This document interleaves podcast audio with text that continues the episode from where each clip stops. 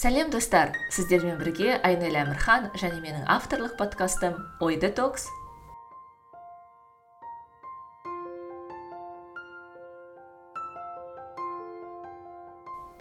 Бүгінгі эпизодымды менің подкастерлік өмірімде болып жатқан жаңалықтармен бөлісуден бастағым келіп отыр. Ең алғашқы жаңалық менің подкастинг ісі бойынша.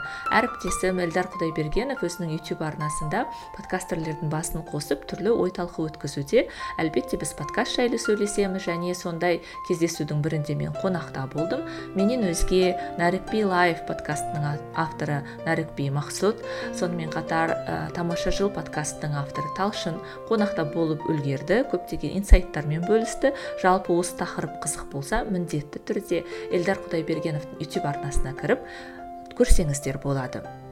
Екінші жаңалық интерньюз қазақстан ұйымы ә, сторителлинг бойынша онлайн мектеп өткізуде. Сол мектепке мені шақырылған ә, спикер ретінде шақырды. Мен ол жерде жетпіске жуық іріктеліп алған қатысушыларға подкастинг жайлы айтамын және өзімнің тәжірибеммен бөлісемін. Үшінші басты жаңалықтардың бірі ол маған және менің ой детоксыма қатысты яғни мен көптен бері күтіп ойланып жүрген мәселем. Патреонды іске қостым. Патреон деген егер сіз қандай да бір сома көлемінде маған қолдау білдіруге ниет білдірсеңіз сол ниетіңізді жүзеге асыруға мүмкіндік беретін алаң. Қалай патреонды таба аласыздар? Менің инстаграм парақшама кірсеңіздер ә, биодағы сілтемеде таплинк деген бар соған кірсеңіздер патреон деген қосымша шығады. Сол қосымша арқылы өтіп сілтеме арқылы өтіп өзіңіз қалаған сомада маған қолдау білдірсеңіздер болады. Бұл өте мен үшін маңызды менің шығармашылығым үшін өте маңызды. Және қолдаған әр адамды әр эпизодымда айтып отырамын ә, және бұл ақшаның қайда кетіп жатқандығы туралы да ақпаратпен міндетті түрде бөлісемін. Осымен барлық жаңалықтарым тәмам ал енді бүгінгі эпизодтың қонақтарымен танысайық.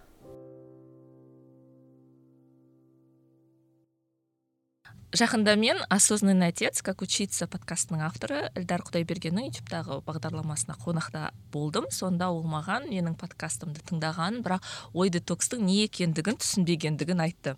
Осы ретте мен тыңдармандарым да мүмкін ой детокс дегеніміз не не үшін осылай аталды? деп түсінбеген шығар. Кішкене түсіндіріп өтуді жөн көрдім.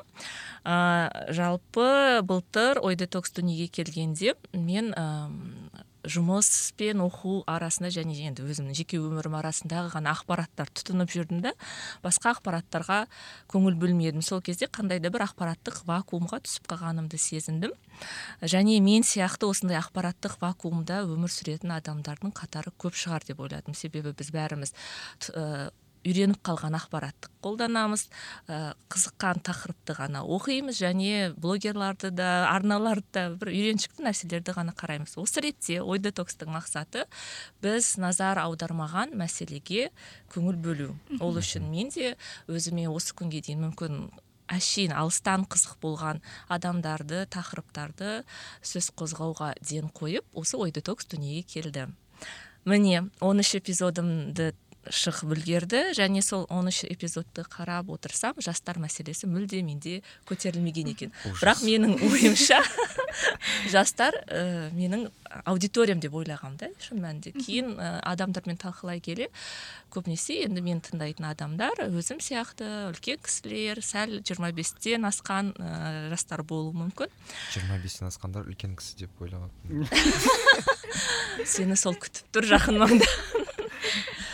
бүгін осы олқылықтың орнын толтырудың реті келіп отыр. Менде жастық жалынның оты лапылдайтын эпизод бұл. Менде қонақта балмұздақ плюс.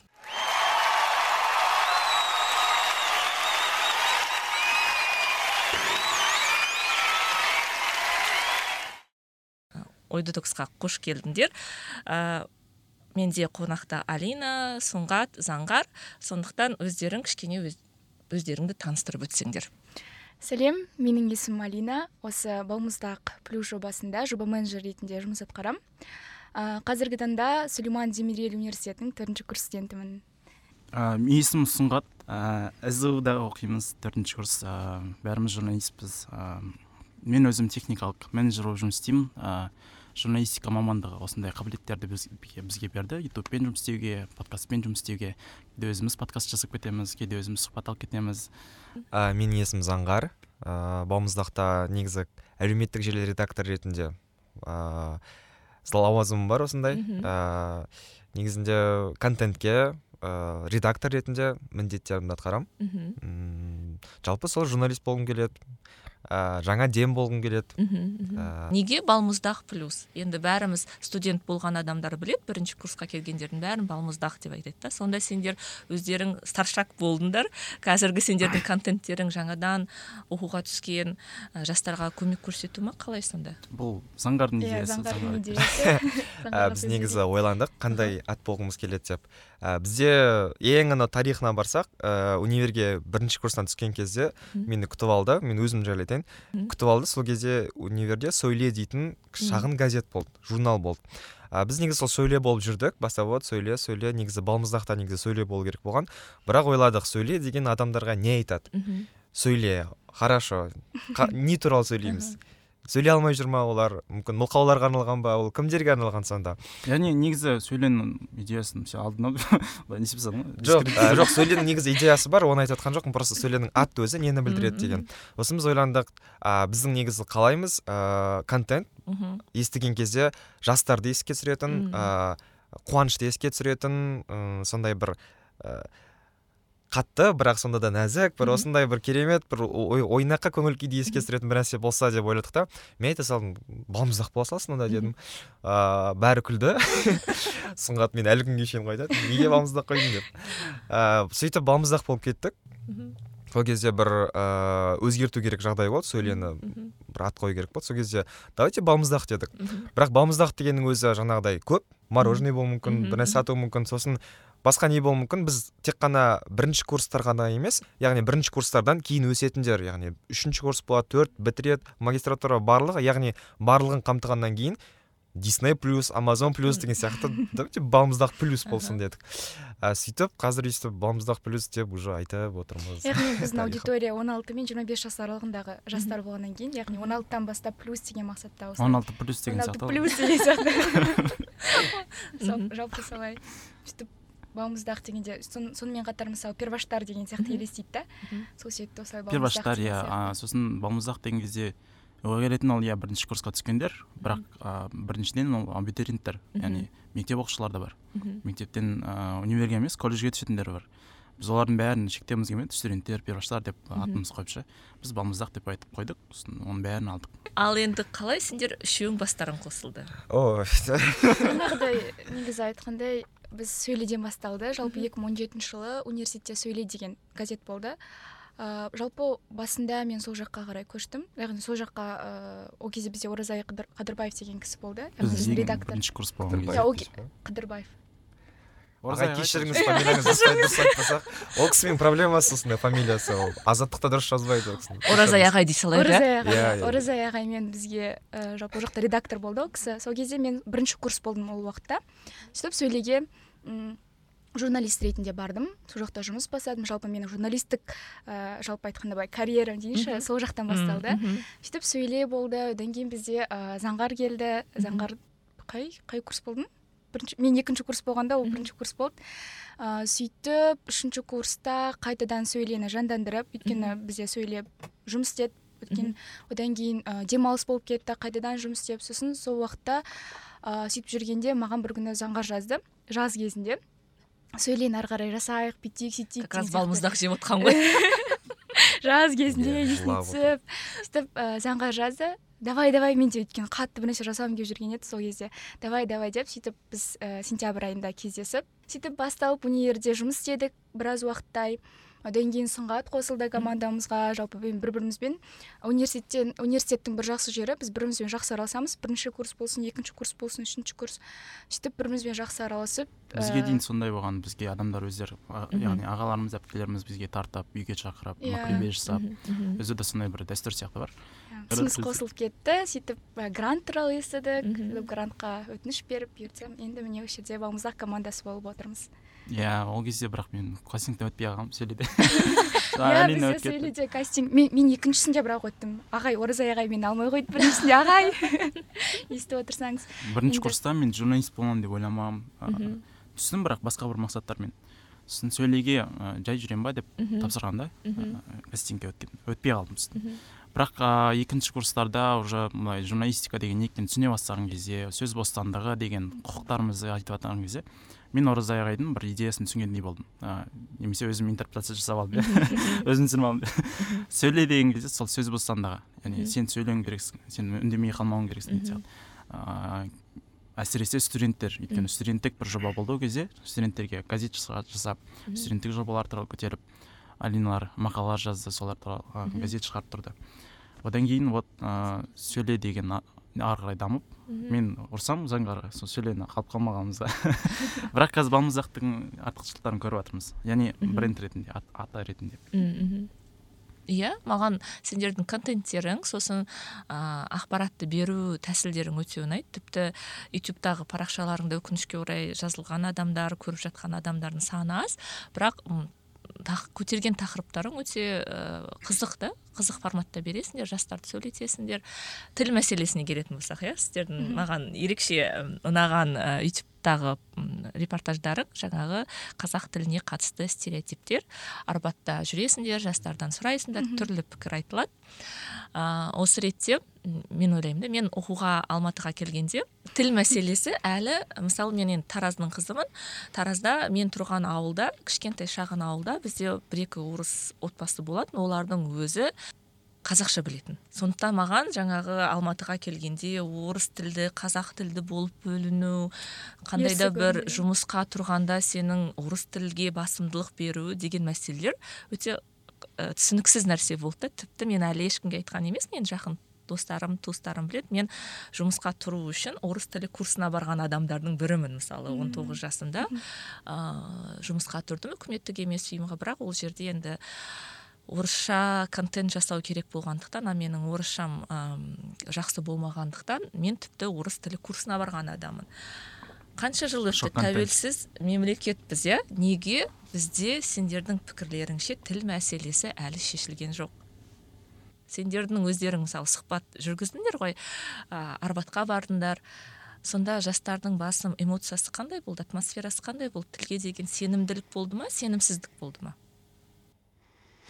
Ә, негізі видеода жаңа өзіңіз де айтқаныңыздай көргеніңіздей пікірлер өте жан жақты. Яғни ол қуанышты басым көпшілігі өліп қалады деп айтқан жоқ басым көпшілігі дамып жатыр деген жоқ яғни екі жақта тең пікірде тұр. Мхм бұл бір үлкен не береді? Үміт береді яғни бұрын орыс тілі жоғары еді. Мхм қазір теңесті қазір қазақ тілінде де орыс тілінде де ыыы яғни жоғары еді деп айтпаймыз қазақ тілінде сөйлейтіндер андай бір ауыл байлар мамбеттер деген сияқты көзқарас болатын а, қазір орысша сөйлейтін жігіт жігіт қыздардың өздері айтады. Қазір қазақ тілі бір тренд болып келе жатыр дейді яғни өлеңдер шығып жатыр мына, а, контент жасалып жатыр деген сияқты. Ә, бұл негізі андай үлкен бір проблема емес шешілмей жатыр деген. Бұл шешіліп келе жатқан үлкен мәселе және ол баяу шешіліп келе жатыр. Қазірден жай ақырындап тренд болып жатыр көбісі сөйлеп жатыр. Және ә, біз бұл процессті кішкене тездеткіміз келді барлығын айтып қараңыздар қазақ тілі өсіп келе жатыр ол үміттіңіз үміттеріңізді үзбеңіздер деген сияқты. А біз негізі оны қаласақ та қаламасақ та ол бәрібір мхм. қазақша сөйлейтіндердің саны көбейеді қазақ тілінің өз ықпалы жоғарылай береді сөйтіп барлы бәрібір бұл мәселе шешіледі бір күні. Бірақ ол иә бірақ біздің арқамызда тезірек иә жоқ. Иә оның тезірек шешілгені ол қоғамға көрсету тезірек шешілгені ол барлығымызға жақсы да яғни бізден кейінгі адамдар сразу бір не бірден келіп қысылмайды өзінің орысша білмейтін не болмаса қазақша сөйлей алмайтынына өзін еркін сезініп бірақ енді менталитет өзгеріп жатқан сияқты. Иә, иә иә. бізде мысалы Өзгеріс бар. кішкене ұялу болатын. Ойбай мен орыс тілін білмеймін. Қазір интонациям дұрыс айтпай қалсам мынау дұрыс сөзді қолданбасам мына дети әдетті қалай қолданады білмесем деген сияқты. Ал сендерге қарасам ондай э, бір э, психология жоқ сияқты. Одан азат сияқтысыңдар алина мен сұңға дос алматыда өскен. Мен аралданмын да. Мхм. аралда бізде ешкім орысша сөйлемейді. Мхм. барлығы қазақша сөйлейді. Қызылорда қызылорданың көбісі қазақтар. Ыыы осы жаққа келген кезде мен кішкентай кезімнен келемін. Алтыншы жетінші сегізінші магазинге бару маған үлкен проблема болатын. Өйткені қорқасың мә ана жақта орыс кісі болса қалай Иә, сөйлеймін иә. болмаса көшеде біреуге сөйлесем қазір қалай болады деп бір қорқыныш болады іштей бірақ мен қазақша өте жақсы сөйлейтін орысша да сөйтіп тартып жүрдім өзімді қалдырмай орысшамды да. А бірінші курсқа түскен кезде сду ға келдім. Сөйтіп көрдім. Яғни бұрын ойлайтынмын білімді болу үшін сен бір табысты болу үшін бір дәрежеге жету үшін орыс тілін міндетті түрде білуің керексің деген. Бірақ универ маған өте жақсы көремін. Ол сол үшін келдім көп профессорларды көрдім мұғалімдер көп барлықтарын көрдім. Қазақ тілінде сөйлейді. Яғни ешқандай проблема емес ол. Ә, қазақ тілінде сөйлеп ақ үлкен ә, яғни бір тілді білмеу ол проблема емес. Яғни өзіңе ыңғайлы тілде сөйлеп ақ. Ә, сен кез келген адамға өзің ойын жеткізе аласың. Ол сені түсінбесе ол сенің проблемаң емес. Өйткені саған қалай ыңғайлы сөз сөйлеп тұрсың. Осындай пікір қалыптасқаннан кейін мен енді қазір кез келген жерде бірінші қазақша сөйлеймін. Сол үшін егер ол кісі түсінбесе жақсы мен принципке барып жоқ қазақша сөйлеу керек емес. Түсінемін ана кісі дұрыс сөйлей алмай маған да керек ол кісімен сөйлескен сөйтемін да орысша сөйлеймін. Ыыы бұл жерден уже проблема емес бір ортақ бір шешім көресің. Ал сендер балмұздақты құрғанда сондай бір тізім болды ма? Мысалы біз мынандай қандай тәртіп па қағида ма? Біз осындай мәселеде жұмыс істейміз мынандай нәрседе толерантты боламыз шыдамды боламыз деген сияқты. Жалпы біздің команданың ең бір ә, маған ұнайтын тұсы бізде брейншторм жақсы да. Бір бірімізбен осы жалпы команданы бастау бастаған кезде біз бір бірімізбен жақсы сөйлесіп алдық. Иә бір біріміздің идеямызды түсіну үшін бір біріміз не қалайтынымызды түсіну үшін біз жақсы сөйлесіп яғни брейншторм ұйымдастырдық. Осы тұрғыда м бір біріміздің ә, идеямызды тыңдау арқылы жаңа сіз айтқандай тақырыптарды яғни өзіміздің арамызда қандай тақырыптар көтереміз жалпы жастарда қандай проблема болып жатыр деген сияқты бір бірімізбен сөйлесу арқылы осындай осындай проблемаларға тоқталамыз дегенде және қазақ тілі болсын мысалы мен университетке түскен кезде бізде менің өзімнің ә, группамда батыстан да бар шығыстан да бар өте бір андай мәдениетіміз әртүрлі араласқан да. Сол кезде де бір бірімізбен мысалы мен шиш дегенге біртүрлі қарайтынмын. Бұл шиш деп айтады мен ужас деп ше. А қазір үйреніп кеттім да оған. Бір дөрекі сияқты естіледі иә дөрекі сияқты естіледі маған. Сөйлешейші бүйтшейші деп айтады да енді енді қазір кішкене үйрендік та. Сосын түсіндік а иә міне қараңдаршы біз өзіміздің арамызда осындай проблемалар бар. Яғни жастар әртүрлі жерден жиналады бір ортаға мысалы университетке иә әртүрлі мәдениеттер араласады сонда бір бірімен ә, келіспеушіліктер бір біріне жаман былай стереотип ретінде қарау сай деген дұрыс сұрақ қой деген сияқты нәрселер басталады. Сол себепті ең алдымен біз бірінші өзіміздің қазір өзіміз кездесіп жатқан проблемаларға қарай ә, жүруді осыларды көтеруді жөн көрдік. Сол кезде бірімізбен сөйлесіп жұмыс істеп көрдік. Яғни басындағы неміз ә, сезген дүниеміз. Мен мынандай бір иллюстрацияны жақсы көремін. Проблема жайлы. Біз бізге ә, молдияр ағайдың бір сөз ең алғашқы сессиясында семинарында мына сөзді айтқан болатын. Егер сендердің ұғымдарды ғылыми ұғымдарды түсінулерің жақсы болса онда айналада болып жатқан құбылыстарды түсіне аласыңдар дейді. Ол құбылыстар яғни әлеуметтік құбылыстар иә әртүрлі мамандыққа байланысты әртүрлі спецификация байланысты. Сол сияқты біз ә, социологиядағы осындай бір құбылыстарды өзімізді байқауға ә, мен осындай иллюстрация ұнатамын ә, біз қараңғы бөлмеде жүрген сияқты болдық. Қандай проблема екенін иә бірдеңеге соғыламыз ештеңені көрмей. Бірақ оның не екенін түсінбейміз былай. Қолға ұстасақ сеземіз бірақ түсінбейміз оны қалай айналып өтуге болатынын түсінбейміз да яғни біз бұл қараңғы бөлмеде жалғыз сезінеміз өзімізді. А егер сондай бір ұғымдар болса мынандай брейншторммен талқылайтын болсақ мынаның идеясын тыңдайын ананың идеясын тыңдайын сосын профессорлармен сөйлестік иә молдияр ағамен сөйлестік біз мұғалімдермен сөйлестік ыыы қазіргі күннің өзінде біз эксперттермен сөйлесуге тырысамыз ана жолы урбан урбанистпен сөйлестік деген сияқты. Ә, бізге айтып тұратын осындай кеңестерін айтып тұратын адамдар бар ә, солардың бәрінің идеясын қараған кезде бағанағы қараңғы бөлмеміз жарық болып жатыр. Яғни ә, просвет болып жатыр да ағартушылық болып жатыр біздің өзімізге де және сол стереотиппен өмір сүріп жатырған жастарға да. Біз өзімізді таныстырғанда солай айтамыз. Біз жастардың арасындағы стереотиптерді бұзамыз дейміз бұзғымыз келеді дейміз. Яғни стереотип екенін танытқымыз келеді бұлардың стереотип екенін деп және бұл стереотиптерді біз иә андай әңгімедегі жақсы әңгімедегі құндылық не?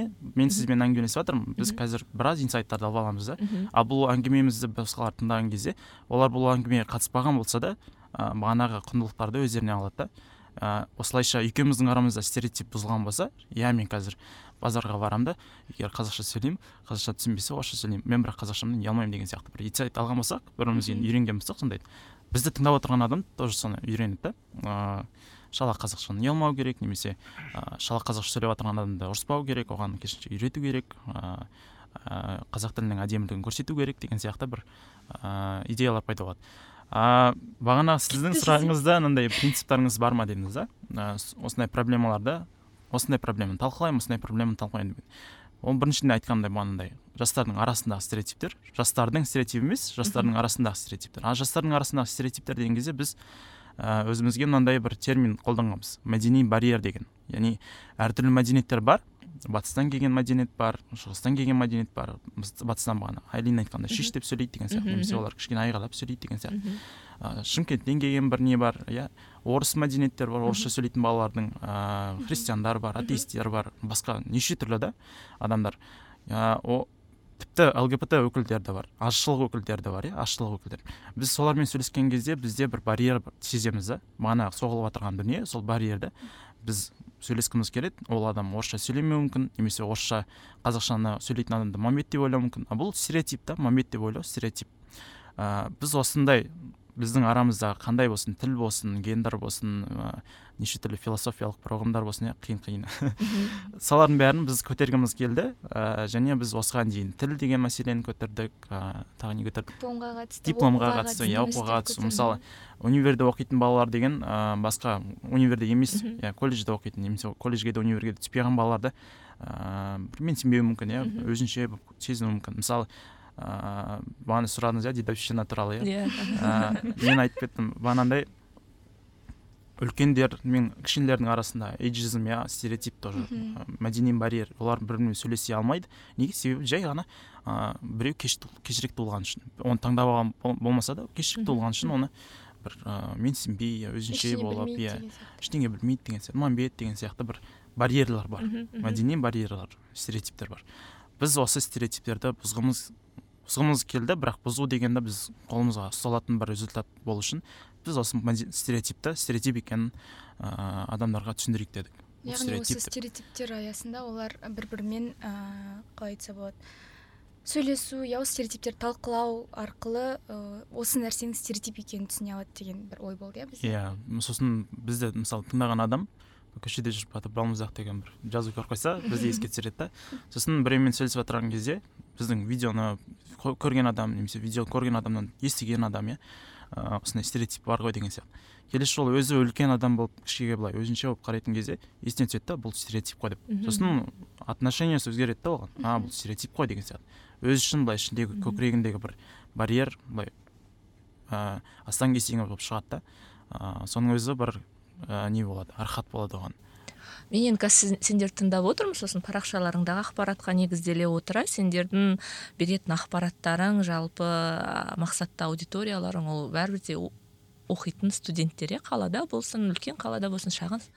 Сендер мысалы біз осы ретте оқуға түспеген базарда жұмыс істейтін немесе бірден жұмысқа араласып кеткен жастармен арас, жастар арасындағы байланысты жоғалтып алмайсыңдар ма? кішкене интеллектуалды ортаға бейімделген ақпарат сияқты да?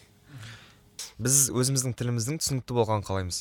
Яғни біз тарататын ақпарат ә, барлығына ә, түсінсе екен барлығы өзінің ей мынау менің тілімде сөйлеп жатыр ғой деген сияқты бір.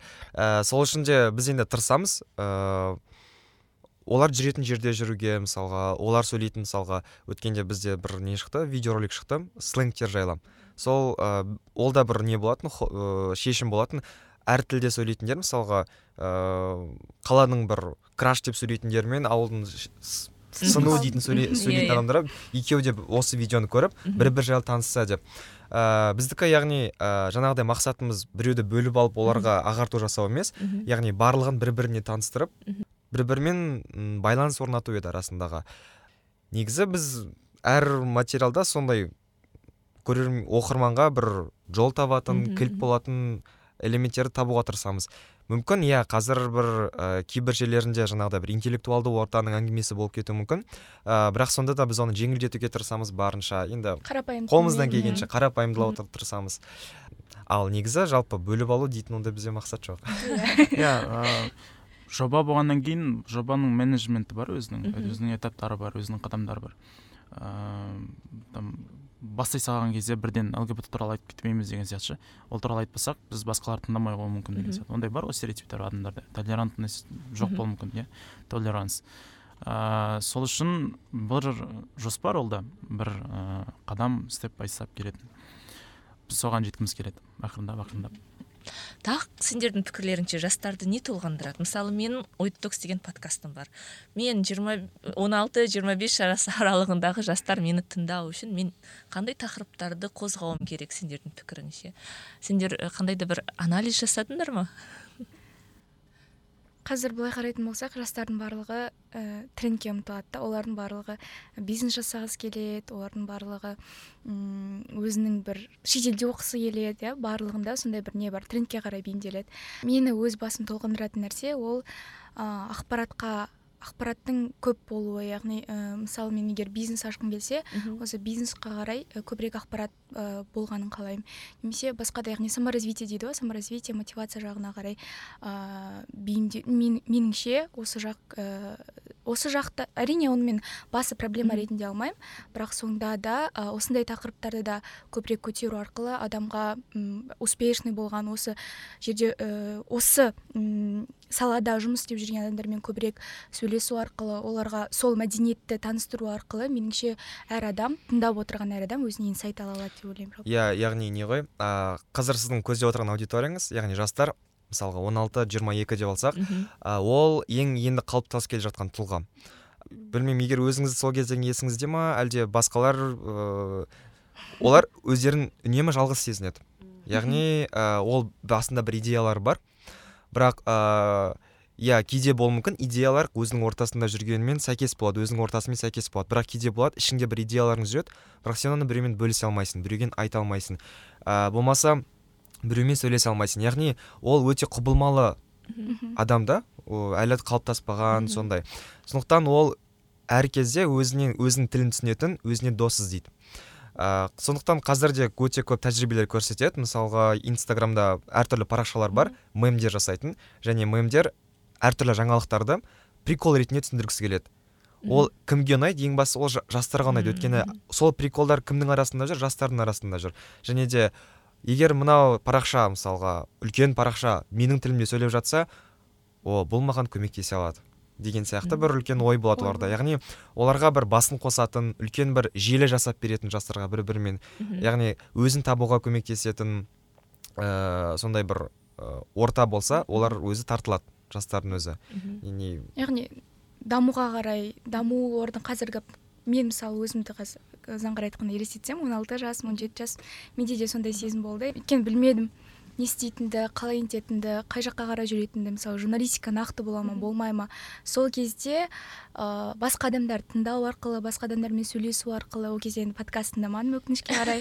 Бірақ сонда да басқа мысалы университеттегі ағайлармен сөйлесу арқылы мен түсіндім а маған сөйлесу ә, ой салады екен маған идея береді екен яғни көбірек өзіме қызық тақырыптарды талқыланса сол туралы инсайттар берілсе ә, өзімді бір о мен де осылай жасай аламын о менде де өзім ортам бар екен осындай адамдар жасаған екен деген ой пайда болады да все деген сияқты өзіме бір мотивация болады деп ойлаймын иә басты менің ойымша да басты проблема ол көкжиектің ыыы үлкеюі. Үлкею үшін жұмыс жасау. Яғни балалар жастар біз иә барлығымыз өзіміз ойлаймыз біз қандай болсам екен мен не істеймін деген сияқты. Ә, салыстырулар болады басқалармен ә, аналар сөйтіп жатыр мыналар бүйтіп жатыр мен жатырмын үйде деген сияқты. Дамығысы келеді яғни ата анасынан бір андай таңып қойған бірдеңелер сен өстіп керексің сен бүйтуің керексің. Ана ана қара сен ә, сен қатарластарың иә жұрттың баласы. Ә, босанып жатыр бала алып жатыр үйленіп жатыр деген сияқты. Үй сатып алып деген сияқты. Ә, бізге де келеді ол. Қашан үйленесің деп. Ә, осыны айтқан кезде бізде бәріміз де түсінетін дүние бағанағы қараңғылық дүние қараңғы бөлмедегі. Біз бірдеңеге соғыламыз бізге бірдеңе ұнамайды бірақ неге түсінбей, түсінбейміз ә, түсіну үшін бізге иә адамдармен сөйлесу керек өзімізден үлкен адамдар ә, бізге біз сияқты заттарға қызығатын және бір неге нәтижеге результатқа жеткен адамдар иә. Мен сияқты подкаст жасап жүріп бір күні ыыы бай болып кеткен адам деген сияқты бір күні шетелге кетіп қалған стажировкаға кетіп қалған деген сияқты. Мүмкіндіктер мүмкіндіктерге жету жайлы. Қалай жету керек деген сияқты. Иә жастарға ментор керек. Бір үлкен аға феномен бар осындай бірақ үлкен аға болғанда қараңғы бөлмеде тұрып бүйтіп ей мында кел деп шақырғаны болмайтын сияқты меніңше. Оған ақыл айтпау керек. Өйткені білмеймін бізде бір ә, интервьюда бір қызық нәрсе бір не болған? Ә, ой болған айтылған ә, тинейджер деген. Тинейджер деген кім? Ол бір нәрсе айтсаң керісінше істейтін адам. Яғни оған ә, ақыл айтсаң ол бәрібір тыңдамайды оны. Өйткені ол сенің дәрежеңде емес ол сенің дәрежеңде сол ақылды қорытатын дәрежеде емес. Яғни сенің ақылыңда ол переходной возраст сияқты Иә, қырсықтық иә, бар иә. қырсықтық бар. Иә. жоқ енді мысалға ыыы менің әкем де айтатын кезінде бүйтіп біреуге ақыл айтып жатсаң қазір дейді да ол оған айтыпты ақылыңды айтып айтпай ақ қойшы маған қазір бүйтіп ақылдар ағып жатыр бүйтіп басымнан ақылдар жетеді маған просто деп. Ә, яғни не істеу керек ақыл айтпау керек а қолынан ұстап жүру керек жүріп. Бірге жүрейік көрсетейік бірге жасайық. Яғни қызық болса қасымда жүр деген сияқты. Иә қызық Иә, болса иә. қасында жүр деп. А қызық болмаса мен жүре болмаса вот сенің тұрған жерің ең төмен менікі жоғары маған өрмелеп кел деу ол оған одан сайын қырсықтырады мені. Жоқ деген сияқты. А, сосын тағы бір егер ұзақ болмаса айтайын. Ә, өткенде бір ұрпақтардың теориясын оқығанмын яғни поколение y поколение миллениалдар z деген сияқты. Ә, біз негізі қазіргі қол жеткізгіміз қол жеткізгіміз келіп отырған не? ұрпақ ол z аудиториясы. А оған дейін бізде миллениалдар болатын. Миллениалдар олар жаңағыдай болатын деді жоқ сияқты ғой. Миллениалдар иә. Ә, оларға мысалға олар туылған кезде яғни 90 жылдары 80 жылдары экономика өте қатты қарқынмен өскен және олардың ата аналары ол балаларына қарауға уақыттар болмаған. Иә. А жаңағы балалар өздері сөйтіп олар өздері Мгм. жең- тал- талаптанып бір нәрсеге жетіп бизнес ашып үлкен ә, олар бүйтіп орып алуға Мгм. дағдыланғанда ал одан кейінгілер мысалға экономика тұрақталған кезде дүниеге келгендер олар кішкене капризнылау яғни миллениалдар вот иә. таптап өтіп біреу маған кет десе өзің кет деп сөйтіп сөйтсе а олар жаңағыдай қазіргілерге кет десең ол ойланады ол маған не үшін кет деді? Мен не кетуім керек па келуім керек па? Әр ұрпақтардың да өзінің бір несі бар да. Қажеттілігі бар. Заманға қарай өзінің қажеттілігі бар. Мысалға қазіргілер айтады бұрынғылар бизнеске қызықса қазіргілер уже қоршаған ортаға қызығады климаттың өзгеруі ыыы ластану Ауа ауаның ластануы, яғни сол ауаның ластануын қоры осы өзгертетін үлкен өзгерістер алып келетін ә, дәл осы z ұрпақтары болуы мүмкін да өйткені оларға қатты экономика қызық емес оларға тұрақтылық қызық. Оларға жаңағыдай терең абстрактылы ойлай алады деген сияқты. Яғни әрқайсысының өзінің қажеттіліктері бар бірақ жаңағы ең үлкен қажеттілік ол жақсы орта жасап беру. Бір бірін түсінетін. Меніңше ең үлкен қажеттілік ол ә, сауаттылық мәселесі. Яғни мен сауаттылықты былай түсінемін ә, неше түрлі ойлар бар ғой сауаттылық деген не деп. Сауаттылықты мен былай түсінемін егер сен өз мәдениетіңді өзіңнің лайфстайлыңды өзің қалыптастыра алатын болсаң біреуге еліктеуден емес біреуден біреудің айтқанынан емес жай ғана өзің істеу істегің келгендіктен және өзің қабылдағандықтан соны жауапкершілікпен иә мен осы сәтті істегім келеді мен істеймін деген сияқты жауапкершілік алғандықтан. Ә, сен сауатты деп аталасың яғни мысалы ә, сауатты адам иә ә, қаржылай сауатты адам түрлері көп қой қаржылай сауат діни сауат бірдеңке медиа сауат иә. Солардың бәрінің ортақ дүниесі ол сыни ойлау да. Сыни ойлау бас мәдениеттерге. Ә, саған осылай медиа деген газеттер бірдеңке не істеп жатыр таңып жатыр осылай болуың керексің деген сияқты иә. Ә, сен қабылдайсың соны сен сынайсың соны сынай сыни ойлайсың. Оның мәдениеті маған келе ма? Мен осындай лайфстайл маған ұнай ма деген сияқты. Сосын бағана подкастты біреу тыңдап отырған кезде вау мынау күшті айтып жатыр. Вау мынау ақша табады екен деген сияқты затқа қызығып кетті дейсің ба? Жоқ бұл ақша тауып жатыр. Мен маған бұның ақша тапқан жолы маған керек па деген сияқты. Маған бұл бұл жолмен мен ақша таба аламын ба деген сияқты. Немесе мен қабілеттерім бар ма бұл жолмен ақша табуға?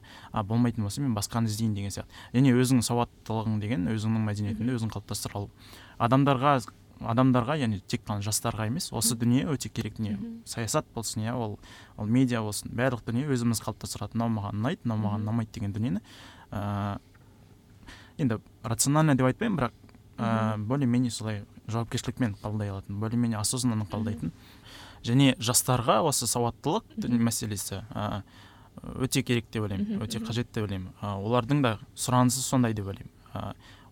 Айтып отырған кезде мен не істеймін не жасаймын деп ойлап отырған кезде өзінің сұраныстарын өзінің қажеттіліктерін өзі түсіне алатын. Шетелге барғым келе ма келмей ма деген сияқты. Мен оқуды жалғастырғым келе ма келмей ма деген. Жоқ маған ата анам айтқаннан кейін мен істей салуым керек па деген сияқты. Жоқ маған ата анам грантқа түссең болды ары қарай өзің не істесең келеді соны істесең болды деген сөзге келісе ма келіспей ма деген сияқты. Дүниені өздері қорыта алатын болса бұл солардың проблемасының көбісін шешеді деп ойлаймын. Ол жаңағы неден шығатын сияқты меніңше үлкен. Көкжиегі үлкен кең болса сен уже түсінесің мына шаблоннан басқа да сенде таңдау бар. Яғни ә, сен адамдар түсіну керек бұл үшін жай менің ғана таңдауым бар. Мен анау сияқты болуыма болады мынау сияқты болуыма болады. Ал егер өкінішке орай жаңағыдай тек сен шаблонды ғана көріп келсең саған қанша жерден былай қарай шық десе де сен шықпайсың өйткені қорқасың да ол жақта не бар екенін білмейсің. Ә, сондықтан да бірінші таныту екінші таңдау бар екенін түсіндіру. Иә сосын Үшіншісі- қажеттілігіңді түсіну сол үшінші дос болу мен яғни өзіңіз айтқандай жаңа ақпараттық вакуум дедіңіз ғой. Қазір сондай нәрсе болып жатқаннан кейін иә. әртүрлі заңғар айтқандай көрсету осындай бар екен одан кейін таңдау әрине үшіншісінде сынойлау иә біріншіден бағанағыдай проблема ол вакуум вакуум болуы. Иә. егер не болмаса информация болмаса иә. Екіншісі информация көп болса. Иә иә. Ә, сол информацияның ішінде маған керек керек емесі қажеттілігім қайсы дегенді түсіну. Сауатты болу деп ойлаймын. Мен қазір сендер тыңдап отырмын да.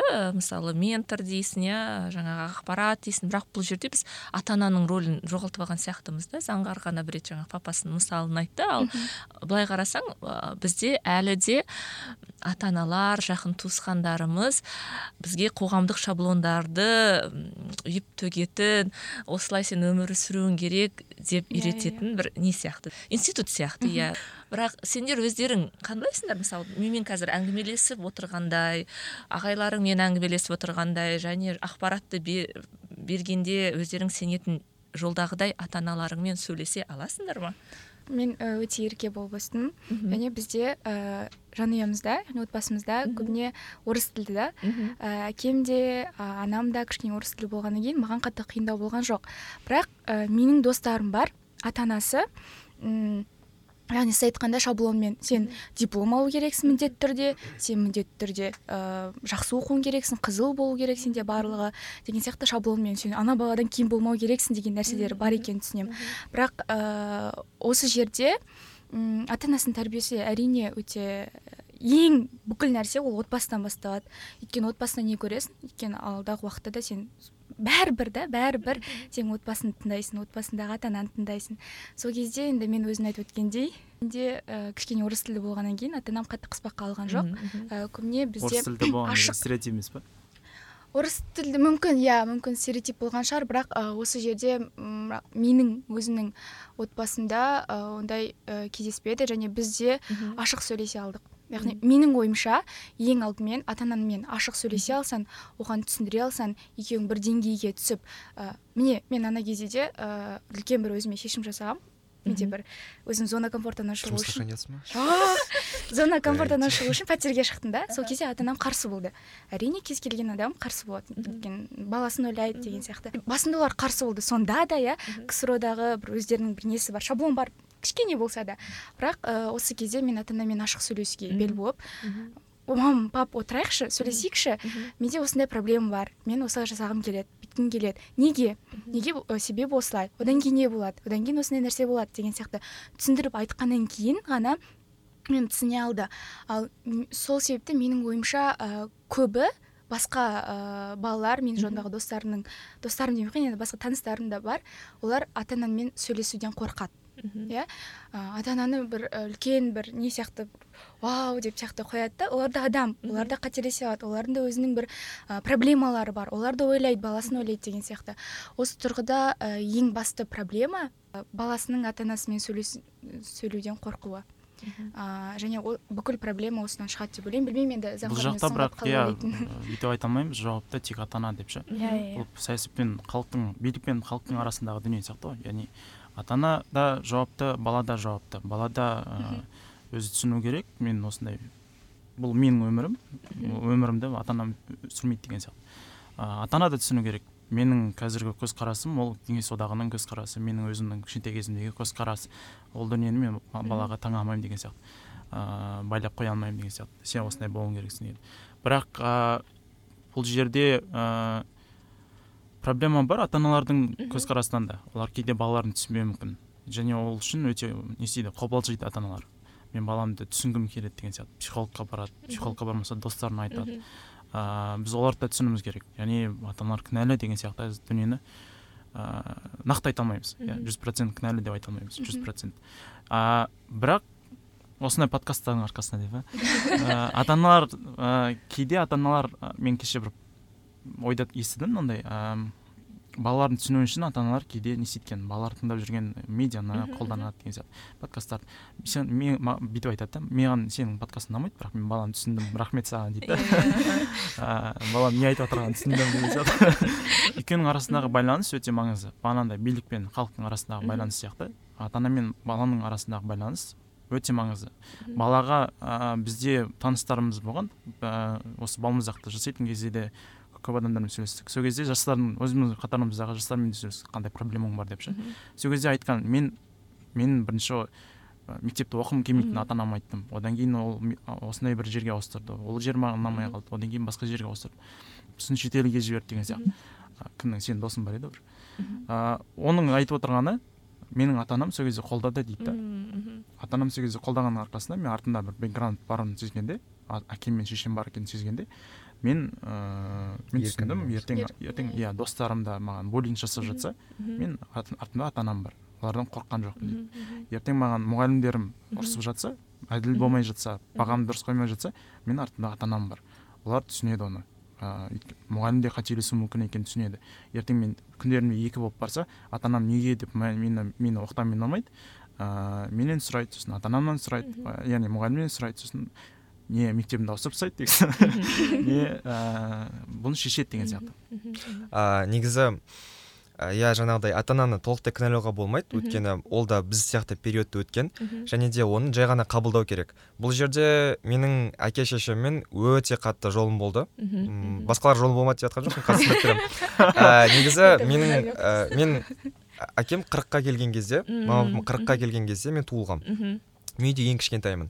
Ә, сөйтіп жаңағыдай ұрпақтар теориясында ә, көбінесе қазір менің қатарымдағы жастардың яғни зеттердің әке шешесі ол икс ұрпақтары да. Яғни олар жетпісінші сол жетпіс жетпіс бес сол сол сол кездегі аралықта туғандар. А менің әкем ол елуде туғандар.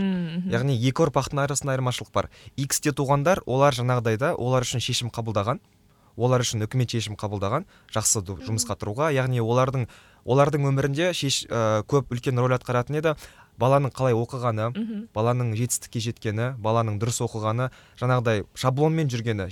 А, менің әкемнің кезінде олар ә, бум бэби бум поколениесі болған да соғыстан кейін туғандар. Олар соғыс бітеді соғыс біткеннен кейін үлкен мүмкіндіктер ашылады. Яғни менің әкемнің яғни менің атам менің әкемнің әкесі менің әкемді жаңағыдай былай тәрбиелеген. Еркін болуға яғни маған папам айтады мен шашымды былай өсіргем былай өсіргем айырып тастаған бүйткем сөйткем яғни ол бүкіл нені көрген өмірді көрген ол кала кала аралда киген. тұрасың ғой иә бәрі сұрайды Ә, сондықтан да менің әкем жаңағыдай ә, мені шектеген жоқ. Вот сен осындай жақсы оқу керексің бүйту керексің деген шешім болған жоқ. Мен өстім өте еркін болып өстім. Ә, бұл енді мен кенжелігіме де байланысты. Өйткені кішкентай болғасын мен оған ондай қатты не қойған жоқ ә, таяқ болған жоқ маған. Бір бәрден аттап кетіпсің ғой. Иә сондықтан ә, мен де өзім де қазір де байқап жүрмін. Басқа қатарластармен салыстырған кезде олардың ата аналары жас. Сондықтан да оларға көп көп кезде ережелерді айтады. Вот сен шашыңды алып тастама сен дұрыс жүр дұрыс киін дұрыс сөйле. А менде ондай вообще болған жоқ. А, а, бұл жерде ә, просто біз қабылдауымыз керек. Біздің ата анамыз да бұл бір, бір қоғамдық ә, ықпалдың әсерінде өскен же- ер жеткен адамдар. Сондықтан да біз олардың жағынан жаңағыдай сөйлесіп түсініп алина сұңғат айтқандай олардың олардың позициясын дұрыстап түсініп қабылдап сосын өзіміздікін жеткізе білсек ә, барлығы чик болады. Мәдени барьер бағана шешіледі. Заңғар мен алина ерке екенді саған қиындау екен ғой. Сен де еркесің ба ойбай үшеуміз де еркеміз үшеуміз де қырсықпыз сосын мен тағы бір қызықтыратын нәрсе ол ә, бізде енді біз ғаламдық ақпарат ағым, ағынында өмір сүреміз ғой. Мысалы қазір белоруссияда болып жатқан жағдай жастардың елдегі болып жатқан саяси ахуалға үн қосуы. Бізде де қоғамдық өзгерістерге жастардың үні қосылды бірақ студент жастардың үні меніңше естілмеді. Көбінесе енді қандай да бір пікірін айтқан ашық айтқан адамдар бір жиырма сегіз плюс деп қояйыншы менде жоқ шын иә. Жиырма үш Иә, плюс шығар мысалы мен өзімнің інілеріммен сөйлессем олар айтады маған ой мен біреуге жұмыс істемеймін қазір оны олардың бар ойы ә, бизнес ашу инстаграм ашу сол арқылы блогер болып Иә. миллиондап ақша табу. Мысалы ше олардың құндылықтары кішкене басқаша да. Қоғамда әлеуметтік өмірде саяси өмірде болып жатқан мәселелерге көп көңіл бөле бермейді. Менің ойымша ол поп поп медианың ықпалы. Яғни кітаптар бар сондай не туралы бизнес туралы деловой литература деген сияқты. Иә меломанға барсаң сондай кітаптар толып тұрады мемлекетке жұмыс істеме деген сияқты. Роберт киосакидің кітабынан бастап иә менің ойымша сол медианың бір ықпалы. Яғни популярный медианың популяр бұл жаңағыдай не сияқты? Біз өскен ортада мен ер жеткен кезде мен саясаткерлердің атын білген жоқпын. Доллар былай да былай болып жатты. Саясаттар былай ауысып жатты біреу құлайды біреу келеді. Яғни өзгерістер өте көп. Жаңағыдай ақпарат көп болған кезде біз оларды алуға ұмтылмаймыз керісінше одан құтылуға құтыл нетеміз ұмтыламыз. Яғни ары жүрші деп жоламашы маған деген сияқты. Сол сияқты саясат андай өте құбылмалы болған кезде ыыы өте экономика өте былай зигзаг болған кезде біз тұрақтылықты таңдаймыз. Яғни анадан көрі мен жақта бизнес тұрақтырақ анадан ана саясатқа жүріп құлап қайтадан нұр отанға кіріп қайтадан бүйтіп жүргенше мен лучше ана жақта инстаграм ашып алып блогер бол сол маған тұрақтылық тұрақтырақ бұл жаңағыдай иә қалыптасқан жағдай сосын екіншіден жаңағы э, роберт киосаки сияқты үлкен бестселлер жазып кеткен адамдар да ол затты болжай алды яғни түсінді саясат ертең өте үлкен бір машинаға айналады э, өте көп құбылатын тез құбылатын және ә, бақытты миыңды ашытпай өмір сүру үшін одан ары жүріп өмір сүрген дұрыс шығар деген сияқты кеңестерін айтып кетеді иә. Ә, бұл енді әркімнің өзінің таңдауы. Мен мысалы өзім Мектеп- қатысамын дейсің. Иә, жоқ негізі мен ә, бірінші ә, мектеп кезінде араласпайтын мүлдем. Мүлдем араласпайтын қызықпайтын да. Бірақ университетке түскен кезде әртүрлі ой тыңдау арқылы әртүрлі адамдармен сөйлесу арқылы қайтадан сөйлесу мәселесі бұл жерде өте көп адамға әсер ететінін түсіндім. Саясат ол сенің қоршаған ортаң сенің қазір болып жатқан нәрсе бүкіл саясат. Өйткені сен ә, бізде бір популярный фраза бар еді ғой. Сен саясатқа араласпасаң? Иә саясат сенімен айналысады жалпы сендердің өздерің қандай тақырыптарға қызығасыңдар? Мысалы сендердің көтеріп жүрген мәселелерің осы балмұздақ плюста көрініс тауып жатыр ма? Жоқ сендер қажет етіп жатқан контент табылмайтын бір салалар бар ма? Мысалы шіркін ай біреу осындай жасаса мен тыңдар едім дейтіндей. Қазір негізі ә, шығарылмаған контент жоқ. Ол барлығы бар әлемде. Жоқ шынымен шығарылмаған контент жоқ бірақ қазір өте керек контент жайлы контент.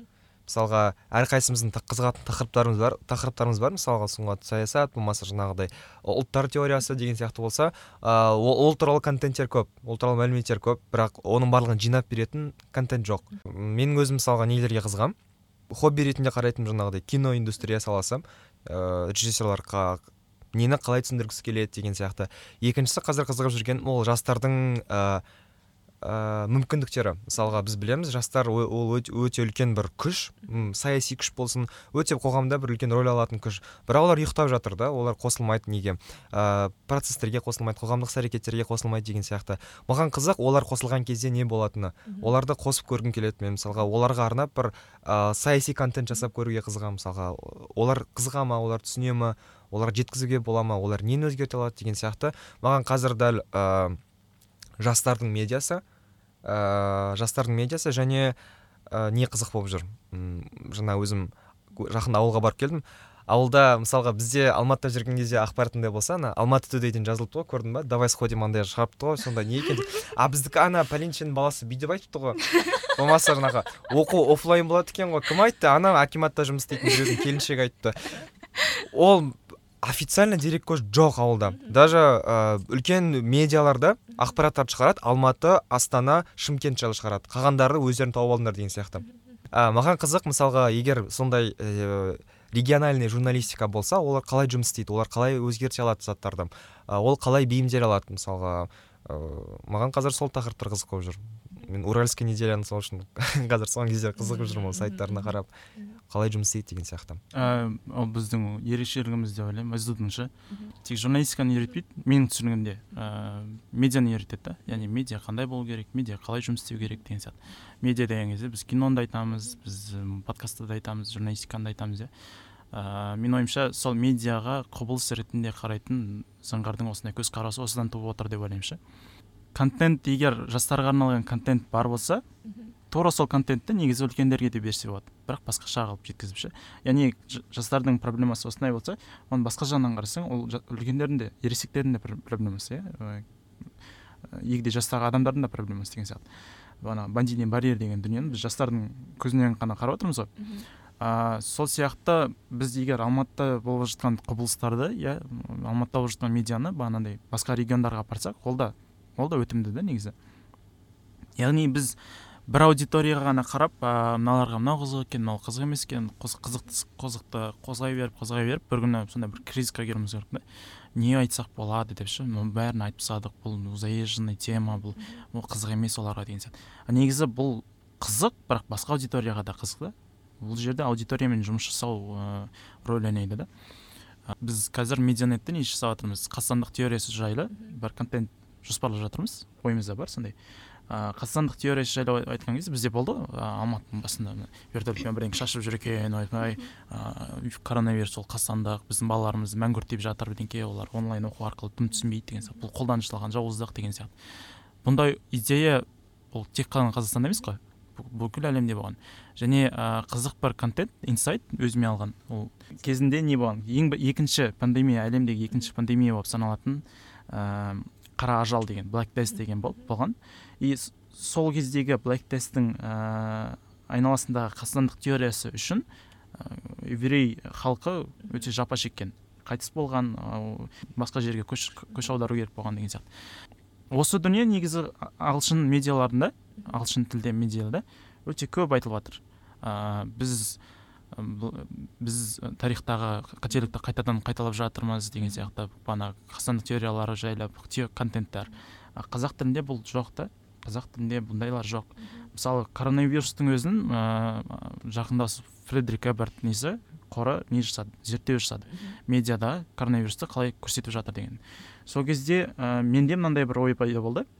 Ә, оған дейін де пайда болған. Мен немде инстаграмда сондай бір ә, не жасап қойдым? Перформанс жасап қойдым өзімше. Ыыы жерде вокстың контенті болды. Вокс медиа бар ғой.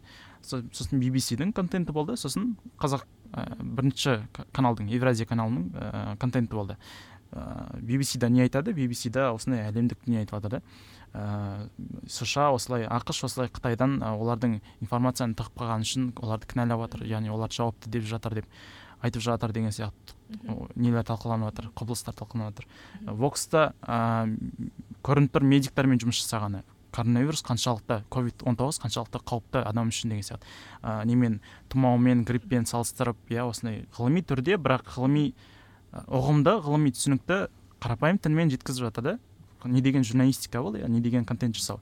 Қазақ тіліне келсең ә, қазақстанда осындай адамдар маска кимеген үшін штраф салынды бірдеңке деген не айтады да біз енді осы медиа арқылы біз есіме не есімізге не аламыз иә? он жылдан кейін журналистика деген ол документалистика ғой бір жағынан. Тарихты жазу ғой. Ә, біз он жылдан кейін не еске аламыз? Он жылдан кейін біз еске аламыз ғой коронавирус деген сұмдық еді маска кимеген үшін осындай штраф алып еді деген. Жоқ біз еске алмаймыз адамдардың өте жапа шеккенін өте көп не қазалардың болғанын не оны еске алмаймыз біз сол маскалардың өте зұлым екенін қазақстандық теориясы екенін бір ә, қолдан жасалған зұлымдық екенін еске аламыз да. Өйткені неге? Зұлымдық екенін қазақстандық теориясы жайлы бізде контент болған жоқ. Бізде маскалардан бұрын иә ең болмағанда ең кемінде бағанағы медианың ә, шетелдік медианың контенті аударылған жоқ та қазақ тіліне. Бізде сондай бір вакуумда қалып қалдық. Бұл проблема. И бұны бәрін не үшін айтып жатырмын иә, иә бұны айтып жатырмын бағанағыдай жастарға не қызық екенін осындай болса қызық болатын еді ғой деген сияқты ойды. Ә, аудиторияның егер нақты бір анализі болса портреті болса соған арнап қандай болса да контентті не істеуге болады дайындауға болады. бейімдеп беруге иә. болады өйткені адам адам жалпы адамның өзі ә, бұрынғы антик ненің философияның несі де салып кеткендей адам драмаға қызығады. Адам оқиғаға сторителлингке қызығады иә иә. Жақсы айтылған әңгімеге қызығады маған қазір біреу әңгіме айтып беріп жатса мен оны маған керек болсын керек болмасын жақсы айтып беріп отырған үшін демалыс ретінде тыңдап отырамын да. Ыыы адам драмаға қызығады солай. Ыыы мен өзім де ойладым мынандай сөйлескен кезде де бізде коммуникациямызды күнделікті коммуникациямызды сондай бір құбылыс ретінде өзім зерттегім келген сияқты. Яғни егер мен сұңғат ғалым болса бір ғалым болса мен сондай бірдеңені зерттейтін едім ғой деген сияқты бір арманым болды да қиялым болды. Ыыы егер бізде. Мынандай дүние. Ә, күнделікті коммуникациямыздағы драматизация. Яғни біз ә, ватсапта қарапайым мысал ватсаптағы жіберген сообщениямыздан ә, андай да ой естілген. Сіз мынандай тонмен жазып жібердіңіз маған деген ше иә бірақ тонмен жазып жіберу мүмкін емес қой. Иә тонмен айғайлап айтуға болады ауызша. Иә бірақ жаза алмайсың ғой оны. Иә мысалы смайликтер қою деген сияқты. Деп иә ұрыспа деп. Мысалы жай ғана андай бізде бар жай ғана иә деп жауап берсең жоқ или жоқ деп жауап берсең ол дөрекі сияқты көрінеді да. Иә. иә. Сосын нүкте қой араласпай дейсің адаммен иә. Нүкте қойсаң в смысле нүкте былай? Маған сөйлеспе деп жатрсың ба? Деп нүкте қойылды былай. Тема жабылды деген сияқты айтып жатрсың ба деген сияқты бір идеялар бар. Ыыы осы дүниенің өзі де бір талқылауға болатын ыыы контент жасауға болатын дүние да. Ой детокс сендер үшін не? Маған ә, ой детокс яғни ойымды қайтадан өзім қалпына келтіріп алу өзімді ә, дұрыс жаққа қарай бағыттау үшін ә, көп ұмытып кететін нәрсе ол қарапайым нәрсе ол анализ жасау. Яғни кез келген нәрсене ә, анализ жасау арқылы сен ненің бұрыс ненің ә, дұрыс екенін ажырата аласың. Сол арқылы әрі қарай қадамың қандай болады яғни приоритеттерің қандай болады деген мәселеге тоқталып өтесің. Ә, сол тұрғыда маған сондай ақ жаңағы анализ жасау анализ жасау арқылы ә, бірінші алдымен адамдармен сөйлесесің адамдармен ә, сөйлесу арқылы кішкене демалып қаласың ойың бөлінеді. Ал одан кейін сөйлесу арқылы уже ол адамдардың сөзіне анализ жасайсың сенің қазір жасап жатқан анализ жасау арқылы кішкене қазіргі рутинадан алыстап өзіңді қайтадан қалпына келтіруге мүмкіндік туады. Екі негізі теория бар ғой бағана теория есіме түсті.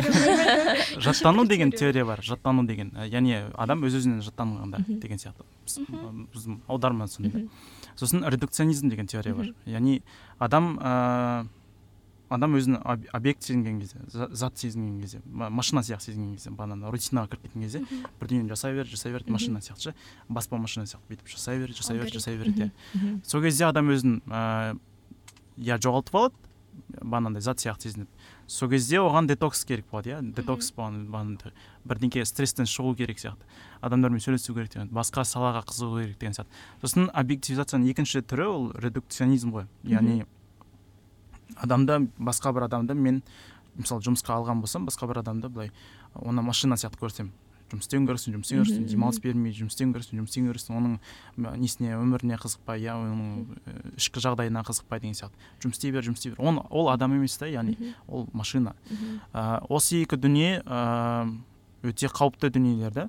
Ә, біз өз басқа біреу иә басқа біреу редукционист болса ә, одан кішкене былай е кетші бар деп айтып салуға болады да былай а егер сен өз өзіңді жаттанатын болсаң яғни өзіңнің қандай торт жақсы көретініңді ұмытып қалсаң қандай кітаптар жақсы көретініңді ұмытып қалсаң оған ұмытып қалмай былай ысырып қойсаң иә саған не ұнайтын не ұнамайтынын ысырып қойсаң былай өзіңді өзің былай жоғалтып жатсаң өзіңе өзің сатқындық жасап жатсаң бұл проблема да. Ә, осындай проблемадан яғни рутина деген сияқты рутинадан шығу керек демалу керек ә, басқа адамдармен сөйлесу керек ә, Ә, өзіңнің кім екеніңді жаңағыдай сұңғат айтқандай өзің не жақсы көретініңді ә, саған не жағады не жақпайды.